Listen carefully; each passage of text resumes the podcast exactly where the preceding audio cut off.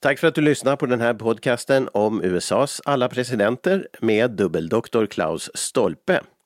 Vill du läsa Stolpes böcker så hittar du dem på hemsidan boklund.fi. Fler samtalsprogram kan du också hitta på sidan totalmedia.com. Total med TH.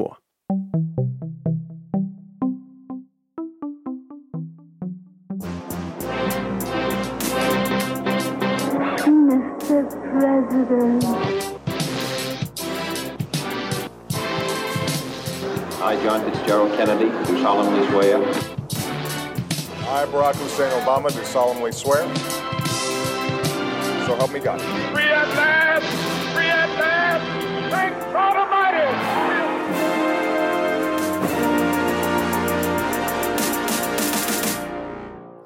Och välkommen till den här podcasten om Amerikas presidenter, Mr President som vi kallar den. Och välkommen också till våran expert och eh, ciceron genom presidenterna i historien, nämligen Klaus Stolpe.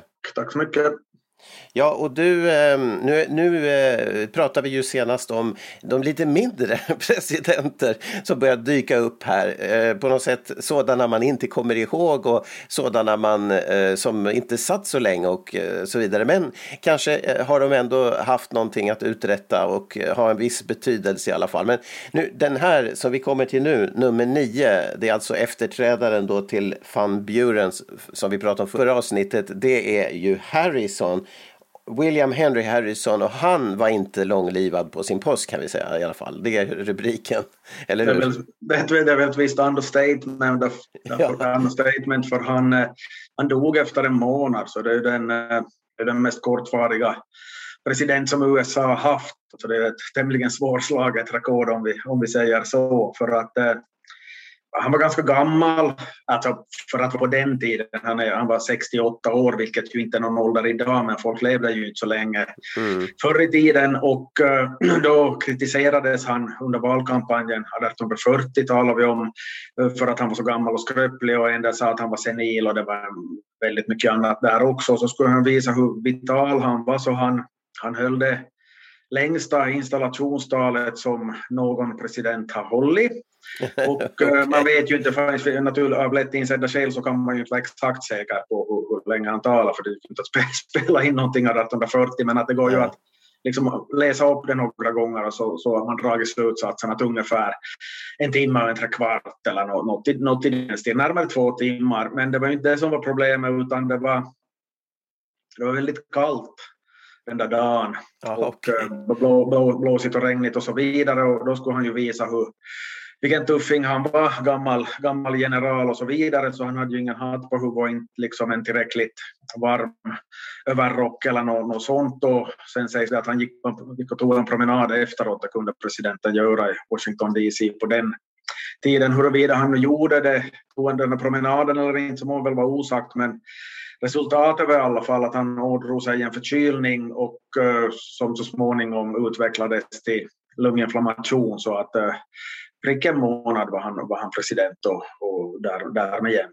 Ja, och det kan väl innebär väl att han inte hann göra särskilt mycket någonting alls egentligen på posten. Nej, för att, att jag menar även om han skulle ha varit frisk i en månad och dött knall och fall så skulle han väl knappast ha kunnat, ja han skulle kunna sätta igång vissa saker och, och, och sånt men att eftersom han inte var sådär superbra skick under den där korta perioden så, så att eh, man kan ju diskutera att han, killen överhuvudtaget varit president så att, Ja. att det är ju ett, det är ju han är ju ett kuriosum helt enkelt i presidenthistorien.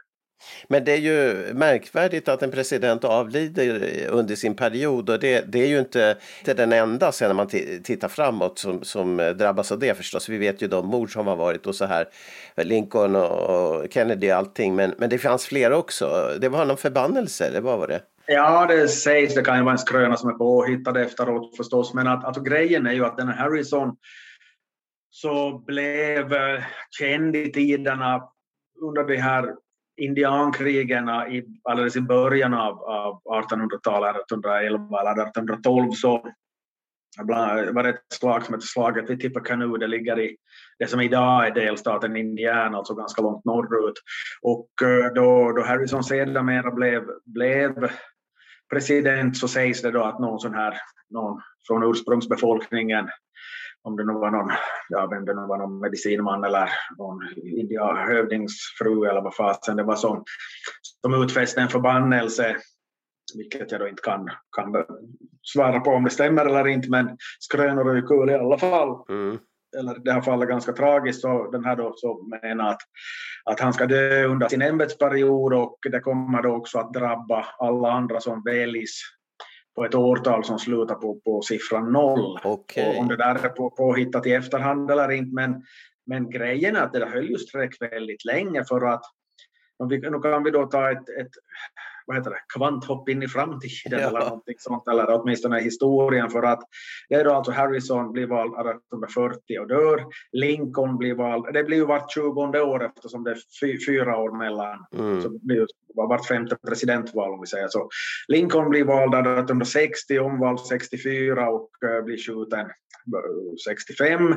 1880 James Garfield blir blir det här, han, skjuten han med en väldigt kort tid efter att han har tillträtt. År, eh, år det här, eh, vad heter det, 1896 blir William McKinley president. Han blir omvald år 1900 och blir skjuten. Aha, okej. flera, flera rader. Sedan 1920 så, så är det en karl som heter Warren Harding som blir, blir vald och eh, han dör i hjärtattack 1923 så att han, han blir, det, det är inte så våld, våldsamma grejer. Och sedan går vi in på 1940 då har vi Franklin Delano Roosevelt som har blivit, blivit ju vald fyra gånger vilket är rekord och dessutom oslagbart numera för att grundlagen förhindrar en upprepning av den bravaden. Mm. Han blev vald redan 32, omvald 36 och på nytt 40 och även 44 men han, han dör ju 45 eh, ett par veckor före Hitler tar livet av sig så att det här, Ja. en president som vi associerar kanske främst med andra världskriget så får ju aldrig vara med och uppleva krigsslutet utan då är det ju Mm. då är det ju då Truman som, som tar över. Och 1960, eh, så det vet väl kanske då de flesta som nu följer med, vi kan väl anta att folk som nu följer med det här så är rätt intresserade av USAs historia, det är ju Kennedy som blir, blir, blir vald 1960 och det gick ju på tok för honom då i Dallas 22 november 1963 då han blev skjuten. Och eh, sedan då så är vi framme vid 1980 och på Ronald Reagan så biter inga förbannelser för han, där han, han, Ronald Reagan blev ju utsatt för ett mordförsök. ja, det blev han ju faktiskt. Ja, Ja. jag blev faktiskt, faktiskt skjuten och för att nu komma med, spinna vidare med, med fler kuriositeter så jag sitter den där bilen som han, är, som han är på väg att kliva in i då han blir skjuten för att den stod på bilmuseum i San Diego i Kalifornien. Så att det var, Jaså? Jaha. så jag, så, och det, det är ju förstås väldigt viktigt att nämna. Nej, men okej, det är lite. Men, men, men i alla fall så att han, han, det här, han, han klarar ju sig och likadant då George Bush den yngre som blev vald år 2000 och så ska vi väl hoppas att Biden klarar sig då också. Ja. Så att, men, men att det var ju, och, och då kan man ju fråga sig att ja, men är det där slump då eller för att eh, det är ju många andra som har dött och det är det ju inte alls därför att utöver den här långa raden som jag nyss räknade upp så är det ju bara en, en till som har, som har dött under sin ämbetsperiod och det är ju då Zachary Taylor som vi ska tala om så att säga om några avsnitt för han blev vald 1848 men att, att om man frånsett den här Zachary Taylor så, som dör då 1850 så, så är det alltså enbart de här som, som följer i de här 20-årsintervallerna med, med årtalet noll på slutet. Märkvärdigt. Men, in, men det är ju, de är ju val, även om de är då omvalda ett annat årtal på slutet. Så det var inte, förbannelsen var inte att det var under den perioden när man första... Nej, jag vet ju, jag vet ju, jag Utan- vet ju inte hur pass intresserad av valcirklar den indianen var. Nej. Men om den, där grejen, om den där grejen alls stämmer eller om det är någon som har dillat ihop det i efterhand. Ja, för omval, ja precis. Omval var, inte, var det med eller inte med i förbannelsen? Nej, nej, det var val- vald på ett årtal som, som slutar på en nolla. Men som kur- kuriosa är det lite speciellt i alla fall. Ja, verkligen märkvärdigt. Ja. Och, och eh, Harrison är då den här första och det var han som fick förbannelsen för att han var ingen vän av eh, ursprungsbefolkningen alltså, eh, helt klart, eller? Nej, eller åtminstone uh, nu vet jag ju inte vilken typ av åsikter han hade då vi är framme vid 1840 och okej, okay,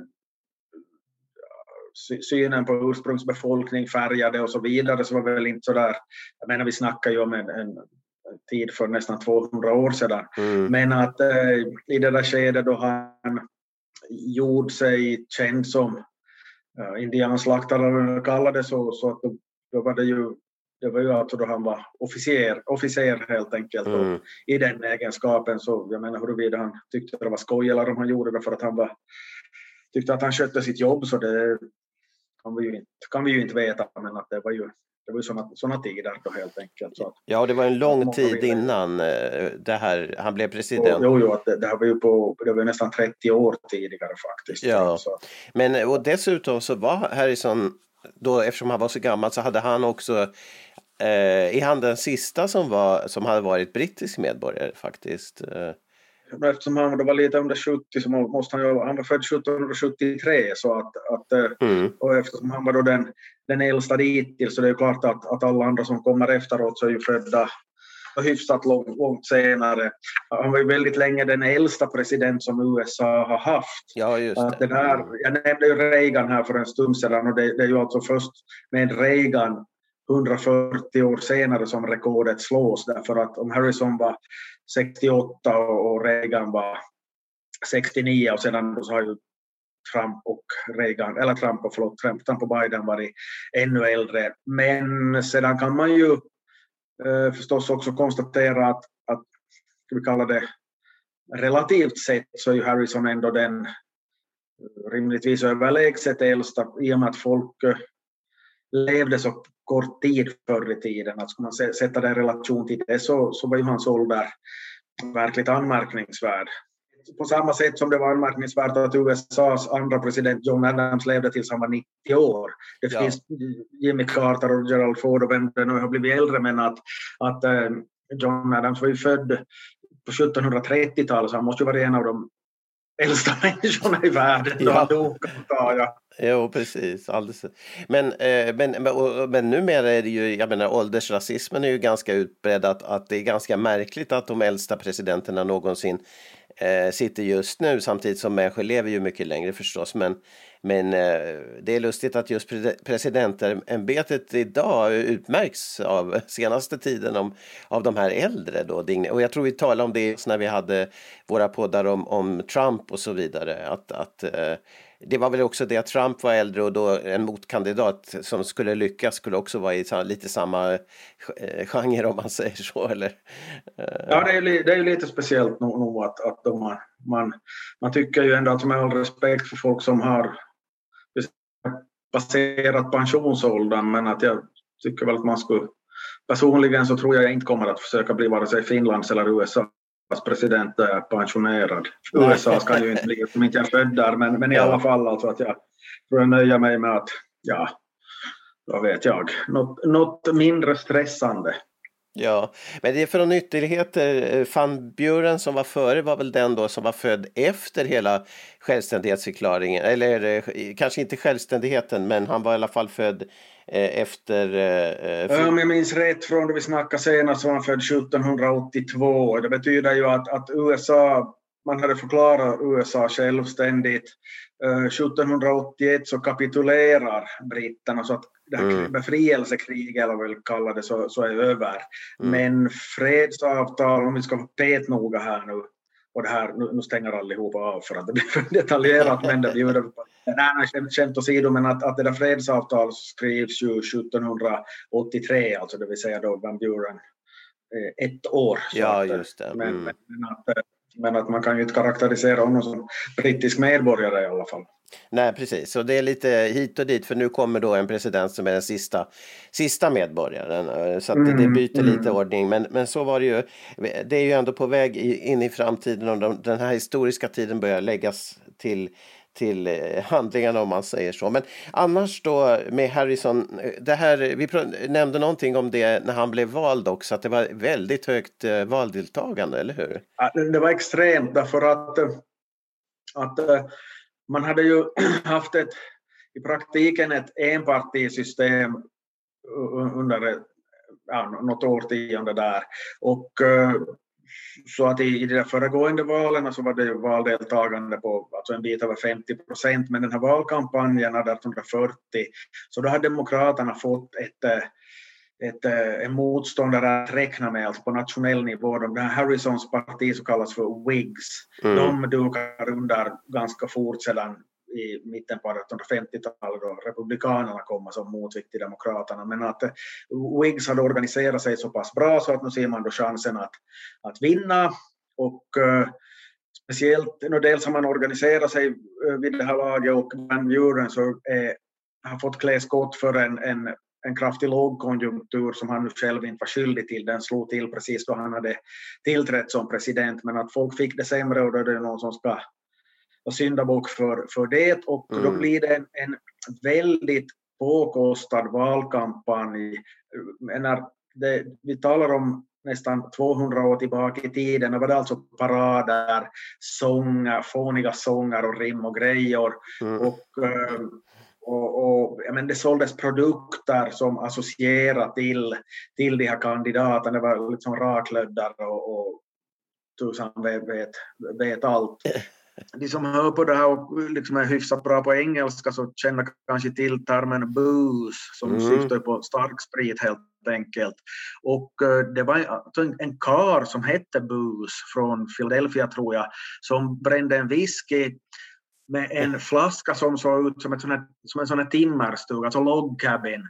Och eh, det, hette log, så det, hette, det hette inte booze, men att det hette log cabin whisky och det syftade på att man ville framställa den här William Henry Harrison som att han hade haft en anspråkslös bakgrund och vuxit upp i en sån där timmerkoja, vilket var, vilket var rena lögnen helt enkelt. Han, han kom från en ganska välbärgad bakgrund, men det med, det med faktakoll så det är, inte, det är inte så många som, det är inte alla som bryr sig i faktakoll i dagens läge och på den tiden så var det ju svårt även om man skulle ha velat kolla upp det helt enkelt. Man kunde påstå lite vad som helst för att det blir mm. svårt att kolla upp saker och ting. Men att huruvida den där whiskyn smakar illa eller inte kan jag, kan jag inte uttala mig om. Men att den där, mig veterligen så har ju det där uh, företaget eller den där sortens, det varumärket försvunnit för länge sedan. Men att, att att det stod den där Bus hade efternamnet sitt på flaskan och uh, hans namn så, så har kommit att att leva kvar. Ja, ja.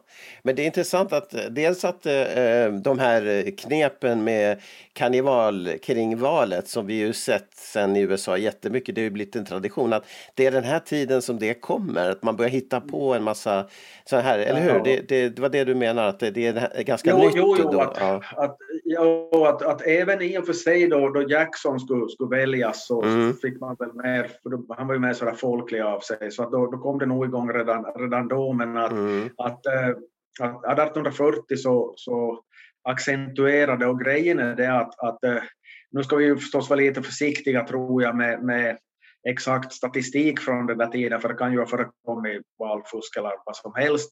Men, men att officiella siffrorna att, att valdeltagande var strax över 80 procent. Och det är, ju, det är ju alltså enormt. Ja. Uh, det är bara två gånger som det har varit, varit högre där valdeltagande, men det får vi återkomma till i kommande avsnitt. Men, men äh, va, alltså det är ju, då kan man ju förstås fråga sig att hur kan något sånt vara möjligt med den tidens kommunikationer och, och, och allt sånt, men mm. det, var, det blev helt enkelt en happening av allt detta så att, att, mm. att folk passade på att åka in till, till stan och handla en... Det, det kunde ju ordnas hästaktioner eller vad som helst och folk som sålde universalmediciner som botade allting och, och en massa sådana jippo-grejer så att eh, folk på den tiden så levde, vissa levde ju ganska isolerat och, och, och, så vidare, men att, att, eh, att man passade på då det en gång var val för att man visste att det hände så mycket annat samtidigt. Ja, just så det, det kan helt enkelt förklara också det där, eller bidra till att förklara det där mm. val, jättehöga valdeltagande, för siffran i sig är ju den är ju utopistisk i dagens läge. Ja, nu, nu, vad ligger det idag på om man har tur? Ja, no, nu senast var det ju, alltså då det var, eh, det var Trump mot Biden. Jo, jo, jo alltså då, då var det ju då var det ju så att två tredjedelar gick och röstade och det var ju det Mm. mesta sen, sen början av 1900-talet helt enkelt. Ja, just det. Men jag menar, siffrorna kanske inte stämmer exakt, men det var högt deltagande, tror Det är ganska så säkert. Jo, Eh, jo, för att, jo, jo, för att jag kan ju inte tro att det var, vad ska vi hitta på, det var ju knappast så att det var 40 procent men alla röster räknades dubbelt. Sånt. så det, det indikerar att det var, det var speciellt och, och också som läget som du beskrev med, med den här ekonomiska nedgången och allting. Ja. Och, ja, så det var festival och det här med eh, uttryck som satte sig, jag tror inte vi nämnde det förra gången, men, men även motståndaren i valet 1840 då som förlorade, nämligen sittande presidenten, eh, eh, han eh, på något sätt gav upphov också till ett, ett, ett, en benämning som har varit kvar, om man nu ska tolka en av sägnerna om den här benämningen. Jo, precis, jo exakt. Alltså det, det, och det, är, det är ju då ett mycket kändare uttryck som vi alla, både du och jag och, och troligtvis också de som är, hör på det här, som Mm. använder varje dag, nämligen okej eller okej. Mm. Och det kommer från, från att eh, då den här Van Burens sympatisörer skulle gå in och ställa till bråk på, på Harrisons valmöten så, så, så kunde de ropa något sånt där att let's do this for the president, okay, eller Mm. let's beat okay, eller någonting sånt. Och så börjar ju eh, eh, de sa alltid det där okej, alltid, men att det där okej så väckte folks nyfikenhet och det började spekuleras i pressen vad det, vad det betydde och man gissade en massa. Och, och, det här, ans- och då vägrade de att tala om det, tala om det först. I och med att de visste att de får ju uppmärksamhet av det. Och sen så kom det fram att det var ju inte desto mer eh, dramatiskt än att det syftar på ett smeknamn som den här Van Buren hade, för han var från en liten ort som heter Kinderhook. Kinderhook säger man väl. I New York. Han, vi talade ju senast om att han hade holländska som modersmål och det hör man ju för att han kom då från de där områdena var det bodde mycket håll. Man det på namnet att det finns holländska rötter och Mm. Kinderhook så förstår man ju också att det, att det har ju en holländsk klang. Och han kallades för Old Kinderhook så att det där OK så skulle betyda det då. Ja, just det. Och det finns ju även andra förklaringar på OK, men, men eh, den här passar oss bäst i alla fall. Jo, men att eh, då, då man, om man googlar så, så det, den här som oftast hänvisas till, om vi Mm. sä- säger så. Och, eh, och det är ju ändå dokumenterat allt. Jag menar, om det finns tidningar kvar så vet man ju att det har ju åtminstone använts då. Så att, eh, att eh, det, det tyder ju på att det skulle stämma. Ja, ja. Ja, men vi, vi tror på det i alla fall i det här läget. Vi, bestäm, vi bestämmer att det är så. Så är, så så är det så. Ja. Men eh, Harrison kommer från, vilk, var var han ifrån nu? Eh, vilken delstat? från Ohio och eh, vi kommer att återkomma till hans vicepresident sen som ju ändå skötte presidentskapet större delen av tiden och för att han var då från Virginia för att helt enkelt balance the ticket. Det vill säga om, om Harrison är från associeras med en nordstat så är det ju bra då om vicepresidenten, vicepresidentkandidaten ska jag väl säga, kommer från, från en annan del av landet så, så har man lättare att få, få röster därifrån. Det är, det är rätt vanligt att man gör på, på, på, på det viset. Eller var det något med det där Tippecane Tyler 2? Vad var det med det? Ja, no, det, syftar, det, det syftar ju faktiskt just på, på det här, en påminnelse om varifrån, varifrån Tyler kommer. Att, att det, det, Tippecanoe så var ju det slaget då som, genom vilket Harrison hade blivit känd i tiderna. Ja, just det. Ti- Tippecanoe och en av de där slogans som användes i valkampanjerna så var Tippecanoe and Tyler too för att komma ihåg att vi har ju nog en sydstatare också så att vi tänker nog som på, på, på, på allting här. Det var just det där. Och sen en annan, en annan grej som väl indirekt också är inbakat där så är att eh, den här Harrison så hans åsikter, skil, värderingar skiljer sig på en avgörande punkt väldeliga från Tylers därför att Harrison är mer mån om sån här centralstyre, att man ska Ah. använda alltså statliga projekt, eh, vägar och kanaler och sånt där för att förbinda de där landsändorna med varann. Mm. Det är ganska typiskt för Whigs, medan Demokraterna mera dominera, eller vad heter det, plädera för att delstaterna skulle sköta sig själva ganska långt.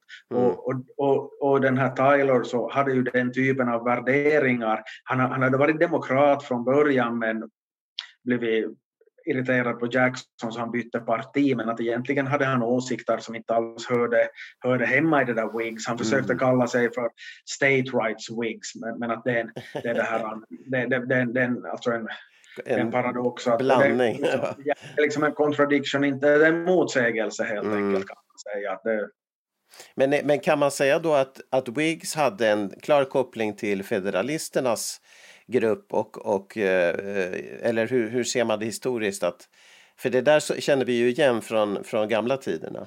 Ja, det kan man, nog, kan man nog säga att man ser en koppling där. Man kan inte säga att de var direkta arvtagare för att det hade varit ett, ett eh, ett vakuum där så att säga. Mm. Det var, det var Demokraterna hade dominerat ganska, ganska fritt där under ett antal, ett antal år men att, att, att den här liksom betoningen av när säger man nationalism så låter det som om det, det skulle handla om eh, negativ immigrationspolitik och sånt. Det är inte mm. det jag mm. syftar på här, men alltså att man ska försöka förena de här olika landsändarna så att det blir ett, mm. ett, ett, land helt enkelt. Så att, att där, där, finns, där finns nog eh, där finns paralleller och kopplingar. För det, det är samma fråga, att ska vi ha ett, ett gemensamt centrum med mycket makt eller ska vi ha ett svagt eh, gemensamt centrum och sen har vi vår egen liksom, stat? Ex, exakt, exakt. Men, men den frågan, för den, den är väl då hela tiden på, så på något vis så finns det de som tycker det och de som tycker så och så, delas det upp så där. Och, men är det en, en fråga som du anser att har ha sen levt kvar också till vår tid? Att, eller är den upplöst numera liksom? Ja, nej, no, no. nej, inte den är ju upplöst för att det ser vi ju med de här uh, diskussionerna om abortlagstiftning i mm, Texas och, mm. och Louisiana och, och, det är Texas som har fått mest uppmärksamhet men att där, där betonas det ju att, att, ja, men att vi får göra som vi vill i den här delstaten. Ja. Att, eh, så att nu, nu finns, det ju, finns det ju kvar fortsättningsvis den här eh, misstänksamheten mot centralstyre. Mm. Och, och det är ju då vi kommer längre fram i historien sen så ser vi ju det här tydligare därför att, att om vi nu alltså vi får en sån fråga som hur pass höga tulltariffer ska man ha? Ja. Och då, då tycker man i norr att, att det ska vara höga tullar och i södern att man inte ska ha tullar. Och det, det har mm. ju att göra med helt enkelt vad de lever på därför att no, det utvecklas två parallella samhällen egentligen. Att i norr så, så får vi en viss industrialisering, alltså jämfört med idag naturligtvis, men att då, då, då, där är man ju då mer förstående till höga tullar för att skydda sin egen industri helt enkelt, så att mm. folk inte ska importera någonting från Europa. Nere i sydstaterna så vill man sälja bomull till liksom England och Frankrike och då ska det vara, då ska det vara frihandel och då, då, då, då blir ju då blir det ju naturligtvis så att, att ju, ju svagare centralstyre desto svårare är det ju att, att införa sådana höga tullar som ska gälla hela landet. Så att, mm. För att inte tala om sen då, då slaverifrågan växer i betydelse. Så, så där är ju också att, att ska sånt bestämmas i, i Washington eller ska, ska det här folk i Alabama få bestämma själva om de ska ha slaveri eller inte. Så att det, mm. det, liksom det där med centralstyre kontra, kontra decentralisering så är, är, är det här starkare än man kanske spontant skulle kunna tro helt enkelt. Och, mm. och det finns ju, kvar, finns ju kvar fortsättningsvis. Ja, Nå, intressant. Eh, när det gäller Harrison då eh, och din poängsättning som du har gjort. Är det, vad gjorde du med Harrison i det fallet? som knappt kan jobba en dag nästan. Alltså jag, skip, jag skippar honom helt Jaha, enkelt. Okay. För att, ja. Eh, att jag någonstans måste, tycker jag man måste dra gränsen för mm det är ju sitt andra sådana betygssättningar var han då till och med har varit ansett som USAs svagaste president. Jag måste säga att det är lite, det är lite konstigt, att, konstigt att göra ett sådant uttalande för ja, men det är ju inte hans fel att han fick lunginflammation men man kan ju inte anklaga honom för att ha varit dålig heller. Okej, okay, han har ju inte hunnit uträtta någonting men han, han har ju inte kunnat ställa till speciellt mycket skada heller. Nej. Så att eh, då blir det ju en avvägningssak så att jag helt enkelt lämnar bort William Henry Harrison och uh, James Garfield som då blir en av de här som dör. Eh, På ett årtal som 1880. slutar med, ja precis, därför Mm. att han, han stryker ju med efter någon, någon månad. Ja, just det. Och, men, Mm. men resten tar jag med för att den som sen är den tredje mest kortvariga så heter Zachary Taylor, han blev vald 1848. Ja, Eh, det vill säga den enda som har dött på ett, på ett årtal som slutar med något annat än en nolla. mm. Och, eh, och grejen är ju att, att han var då ett och ett halvt år och det tycker jag att ändå är Mm. rimligt för att, att man ska kunna, kunna helt enkelt betygsätta honom. Ja, En ja, annan ja. väldigt kort, kortvarig är ju Gerald Ford som tillträdde i, i augusti 74 då Nixon avgick och sen förlorade valet mot Carter så han är ju också han är väl den som är den mest ko- ko- kortvariga eh, och ändå har lämnat posten med, med livet i behåll. Ja, just det, för att han, han ryckte in. Men, ja, men då, då går vi över till Tyler. Idag blir det två presidenter. Då. eh, och vi har då alltså vicepresidenten rycker in och hoppar in istället för eh, Harrison som då avlider i, i lunginflammation eller något sånt. Eh, Och, och hur går det då? Eh, Ja, det hade var han inte beredd på, antar jag. Nej, något så speciellt inte eftersom eh, alltså man har inte räknat med att, att, att han ska bli president. eh, Han kallades sådär eh, för his accidency, alltså istället för där his eh, excellency eller något. Att hans, hans misstag, eller vad det nu heter på svenska. Ja. Och, och, och han, han står ju i ett, ett vägskäl och visar ändå styrka genom att liksom kraftigt betona att jag är president. Mhm. Det, bara är, det bara är så. Mm. Och, eh, så att han, han får ju då, man diskuterar ju då att ska han kallas för liksom, TF-president eller fortsättningsvis ha titeln vicepresident. Han konstaterar att men, kolla i konstitutionen, jag är president. Det, det, liksom, det, ni, ni släpper inte från det här. Och det leder ju till sådana grejer som att, att att han låter ju bli att öppna en del av posten. För att, att om, det, om det är då till, till adresserat till vicepresident John Tyler eller till acting president John Tyler Mm. så konstaterar han bara att men jag vet inte vem det är, jag känner ingen sån person men framförallt så jag kan inte öppna en annan människas post för att det här är ju inte åt mig, jag är president. Så Ja. han han struntar alltså i att öppna breven. Det, kan ju, det kan ju vara någonting förstås jätteviktigt. Men att det, är som att, att det, så är det helt enkelt. Och, och det betyder ju att han har ju förstås hjälpt alla andra vicepresidenter som har tagit över därför att han utformar kutymen. Mm. Och eh, det där blev ju också väldigt, väl- väldigt tydligt då han skulle sammanträda med, med sina ministrar. För, eh, för att Harrison hade uppenbarligen varit, haft den inställningen att det är kongressen som ska dominera för att de representerar folket, liksom bredden av folket på ett annat sätt än, en- än, än en president som kanske inte nödvändigtvis mer än halva gänget tycker om. Så att, att eh, Mm. det, det, det sägs, eller det kan ju vara efter hans konstruktion, men att, att, att hans tanke, Harrisons tanke var att han och regeringen skulle som ta besluten kollektivt och att alla har var sin röst mer eller mindre. Mm. Ja, I praktiken så har väl, kan man väl tänka sig att presidentens röst väger tyngre i alla fall, men att, att eh, och, och det, vissa ministrar så utgick ju från att, att men så ska det ju vara då att president Harrison tyckte att och Tyler bara sa att ja men alltså det var han det. Det är jag som är president nu och jag har en annan syn på det hela. Är det någon som inte tycker att det här är okej så, så måste jag ta emot en avskedsansökan. Men att, att eh, jag är inte bunden av vad, vad ni påstår att William Henry Harrison tyckte. Jaha, okej. jag heter inte William Henry Harrison, jag heter John Tyler och jag är president helt enkelt. Så han var ju, var ju envis som tusan. Vilket man väl måste, måste vara ifall man ska besitta vissa, vissa poster. Men Mm. ändå, Ja, Om det, om det var stolthet eller så, eller, eller om det var klokhet för, för det du sa nu, att, att för att få det att fungera måste han vara 100% president, annars blir det konstigt. Eh, ja, och i dagens läge är vi nog vana vid att, att om, om då Lyndon B Johnson tar över då Kennedy blir skjuten så ska inte Lyndon B Johnson behöva fundera att i termer av att vad skulle John F Kennedy ha gjort? Nej, nej, precis. Ja, Det blir, det blir en väldigt knepig situation. ja. ja. Eh, Så, men, ja, att det, mm.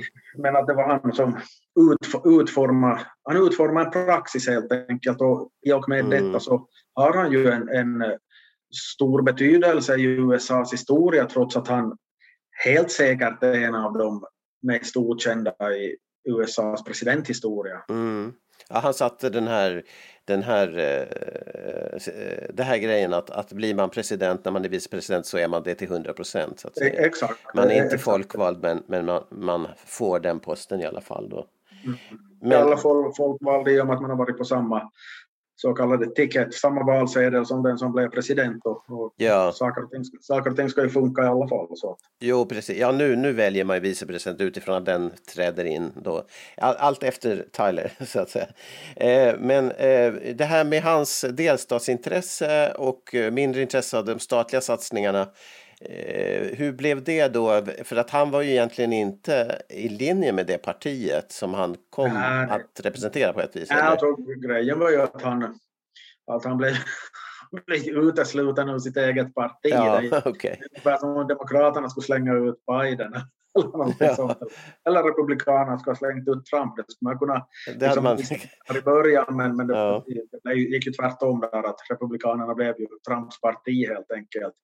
Men, eh, men så han, och då var det ju det att han hade, hans åsikter var ju mer i samklang med, med Demokraternas, men de hade han ju hamnat i luven med redan, redan tidigare, så, så han kallades ju då presidenten utan parti och det där så Ah, leder, leder ju då till en, en liksom lite lustig formulering på, på engelska, president without a party. Och det är det, sen då han ska lämna Vita huset så ordnar hans fru en hejdundrande avskedsfest där. Så att med motiveringen att, att efter det här så, så kan man åtminstone inte, inte kalla min man för a president without a party för att de hade ju haft ett ordentligt partaj där helt enkelt. Så att det, det, blir, det blir inte kul på svenska men på engelska så funkar det eftersom parti och, och par, party eller partaj så är ju samma ord helt enkelt. ja, ja, det var ju en, en nödlösning som funkade kanske. Okej. Ja. Eh, Men eh, du, eh, du pratade ju förut om det här med bortglömda presidenter och och att vi, det här är ju spännande för Tyler har man ju faktiskt inte kanske kunnat om man inte är jätteinsatt de facto. Eh, eh, Och eh, hör han till de mest eh, bortglömda skulle du säga eller? eh, Ja, det, det, och- ja det, det gör han nog. Att jag, jag kollar, jag tror det finns en bok av en eh, rätt känd, han är väl nog historiker, som heter Gerhard. Eh, och, eh, och det här eh, som berättar om USAs presidenter utgående från hur pass okända de är. Han tar inte med kronologisk ordning. Och det, det där kollar jag av, av ren nyfikenhet och, och jag- jag skulle spontant ha gissat att John Tyler kanske skulle ha kommit på första plats. Men Mm. det är faktiskt de här båda som vi har talat om strax innan, Martin Van Buren och William Henry Harrison som kommer som etta och tvåa och Tyler sen på tredje plats. Men Mm. det visar ju också att, eh, att den här perioden är ju inte är ju inte den här guldåldern för USAs presidenter direkt. Nej, precis, intressant. Efter de- Jackson är det liksom stiltje Ja, faktiskt. pre- precis. Att om, om nu, nå speciellt Van Buren hamnar ju i Jacksons skugga, men att även Harrison och Tyler så, så, så kommer ju den där samma skuggan. Men att om jag nu får ta ett sån här eh, synnerligen udda exempel så eh, jag tycker väldigt mycket om Simpsons. Eh, Ja, så, så. Och man fick ju en förevändning att köpa, köpa hela, hela säsonger till julklapp och sånt och så att man och såg på det själv men gav det att packa in det och gav det åt barnen. Nej men de såg på, de såg på det de, de också. Och det, det är ett avsnitt, jag höll ju på att garva ihjäl mig alltså, så, så, så är det någon skolavslutning och eh, och de här barnen då får ordna programmet själva och så har de någon sån där kuplett då som heter The Mediocre Presidents. Det där avsnittet heter väl också just det tror jag faktiskt. Och så Ja de där barnen du håller på och sjunger att, att we're the mediocre presidents, uh, you won't find our faces on dollars or cents. Och sen kommer refrängen att there's Tyler Taylor Fillmore, there's Per and there's Hayes, and they're all William Harrison. Och så hoppar den här uh, polischefens korkade son upp och ropar I died in 30 days. så, det, så att det nog, Van Burens namn är kanske lite för, för långt för att, eller svårt att få med i en kuplett, men att både och Tyler är den första som nämns i den där sången. Tyler, Taylor, Fillmore, there's Spears and there's Hayes and there, there's William Harrison, I died in 30 days. Så att, ah, okay. jag, Eh, från funderar de som gör det där Simpsons, jag tror, de har, jag tror de har kul på jobbet. Ja, verkligen. Men det är ju lustigt att de här två bortglömda, de hamnar i kom, kom, komediserier nu i, i vår tid och, och blir liksom eh, ja, för alltid minst, eh, eh, vad heter det, återkallade då genom, förra gången pratade vi om Van Buren som ju var med i Seinfeld. Ja, Van Buren så, så liksom har en roll i ett, i ett Seinfeld-avsnitt och det behöver vi kanske inte repetera här, men de som, om det är någon som mot förmodan inte har hört på det avsnittet så kan ni ju, kan ni ju, kan ni ju det här lyssna, på den. lyssna på det för att, för att få lite allmänbildning på, på, på den punkten. Så att, men men de, de fick någon slags upprättelse på, på 2000-talet? Alltså. Ja, vad vi nu vill kalla det. Ja, om man vill kalla det, men att, att, eh, att eh, det är ju det med, nu ska vi inte snöa in på Simpsons här, men, men grejen är ju att, att eh, det finns, alltså de som gör, gör det här manus till, till Simpsons så, så besitter uppenbarligen en väldigt stor allmänbildning om historia och annat. Okej, det är ju förstås ett helt team, men att det, det är rätt mm. ofta någon sån här dubbelmeningar som, som kommer in där, några antydningar så att, och väldigt skickligt så att även ett barn som inte har samma referensramar så kan sitta och skratta åt, åt en sak och en, en, en vuxen skrattar kanske åt lite, lite andra grejer. För att det, det, som, det är som in, in, invävt. Mm. Ja, det är otroligt eh, skickligt. Ja.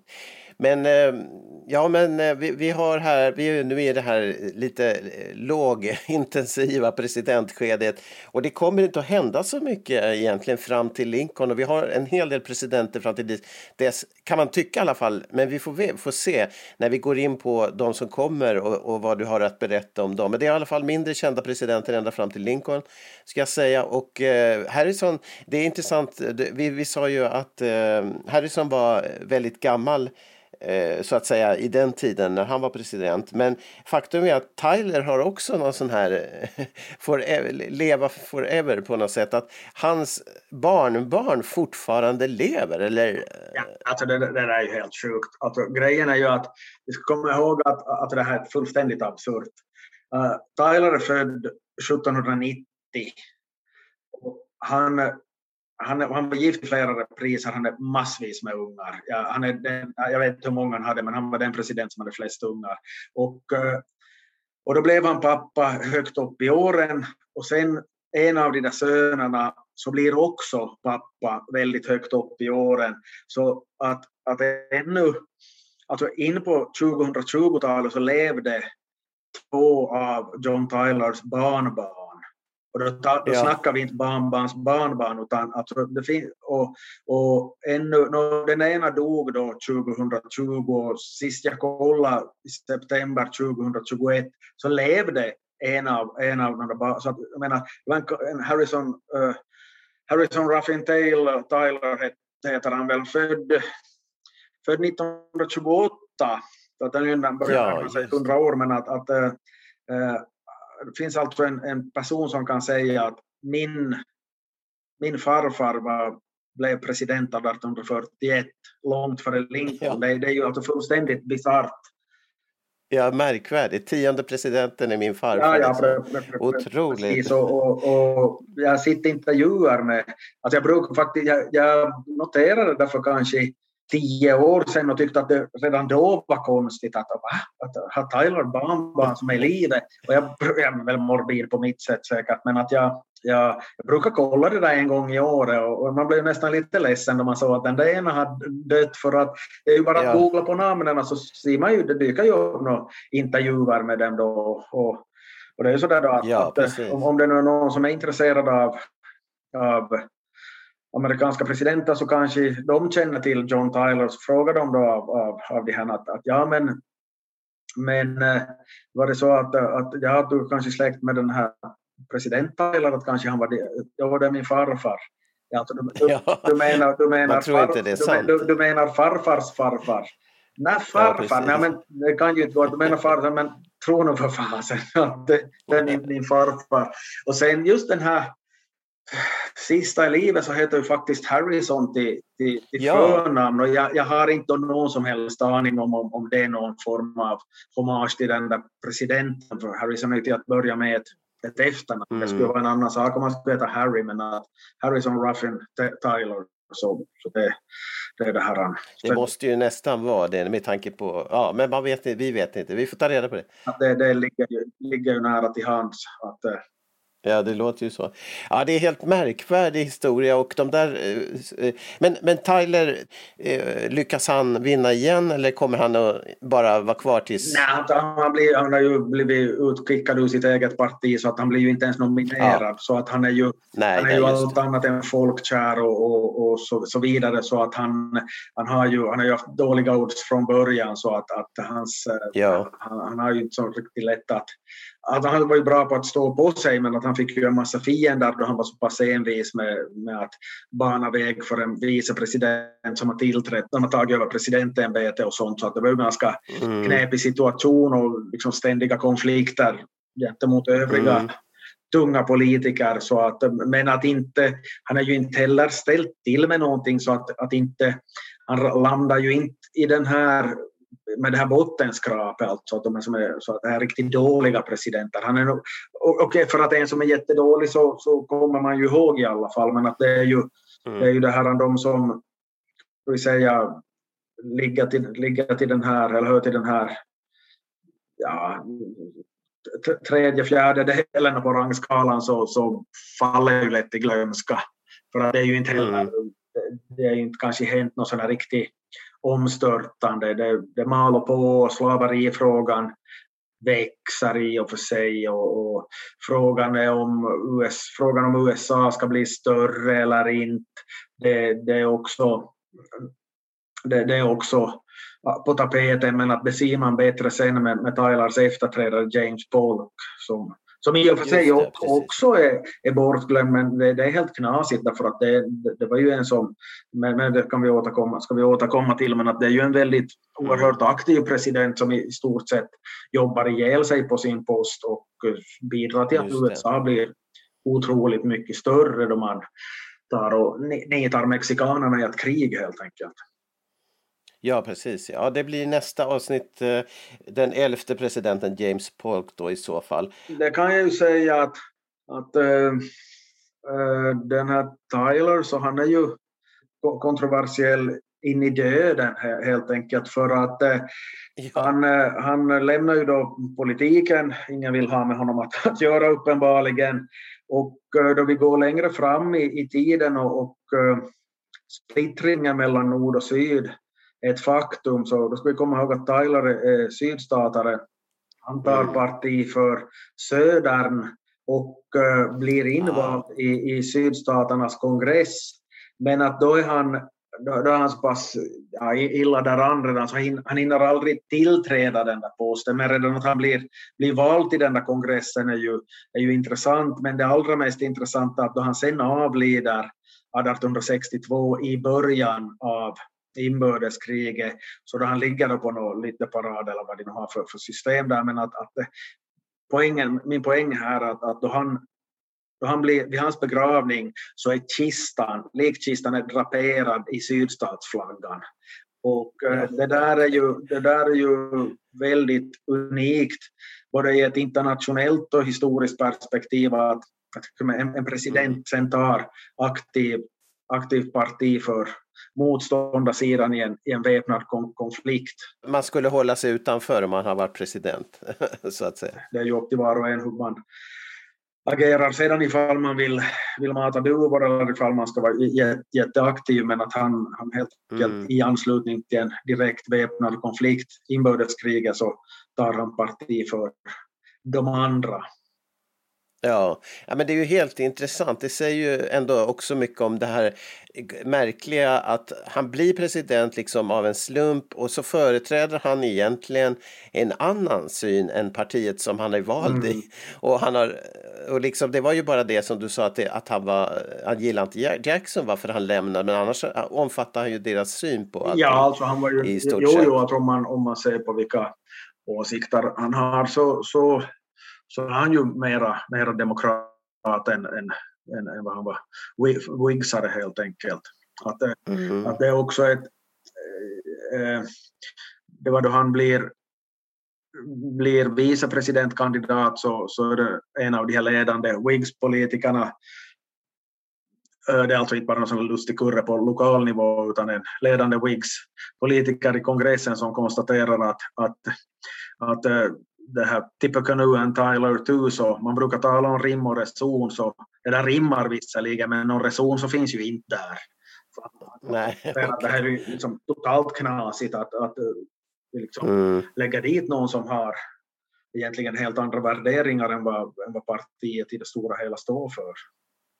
Ja, Nej, men det, det måste vara ett av de märkligaste presidentperioderna på det viset. Att, Så, så, att, så, att bli president liksom utan att ha va- varit vald till president och ganska snabbt och som sagt då företräda helt motsatta Ja, ja. sidan än den man är förväntas Ja, företräda. ja, ja, ja. Det kan, de kläderna satt ju inte riktigt rätt. Nej, nej, nej, Trots att han försökte eh, påstå att han var president så Ja. det, det kan ju inte gå annat än ett håll. Ja, vad intressant. Vilka spännande, spännande eh, Eh, berättelser och levandegöra de här figurerna som, som jag menar före nu var helt okända för många av oss. Eh, väldigt kul alltså och, och bra. Men, eh, och, och vi fortsätter som sagt med elfte presidenten nästa gång och, och Polk som du redan pratat om som ska bli väldigt spännande att höra. Så vi tackar så mycket Klaus Stolpe för det här.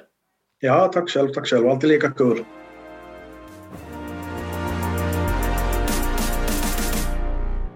Du har lyssnat på podcasten Mr President och du kan hitta fler avsnitt och andra samtalsprogram på sidan totalmedia.com. Vill du läsa Klaus Stolpes böcker om USA och presidenter så hittar du dem på sidan boklund.fi.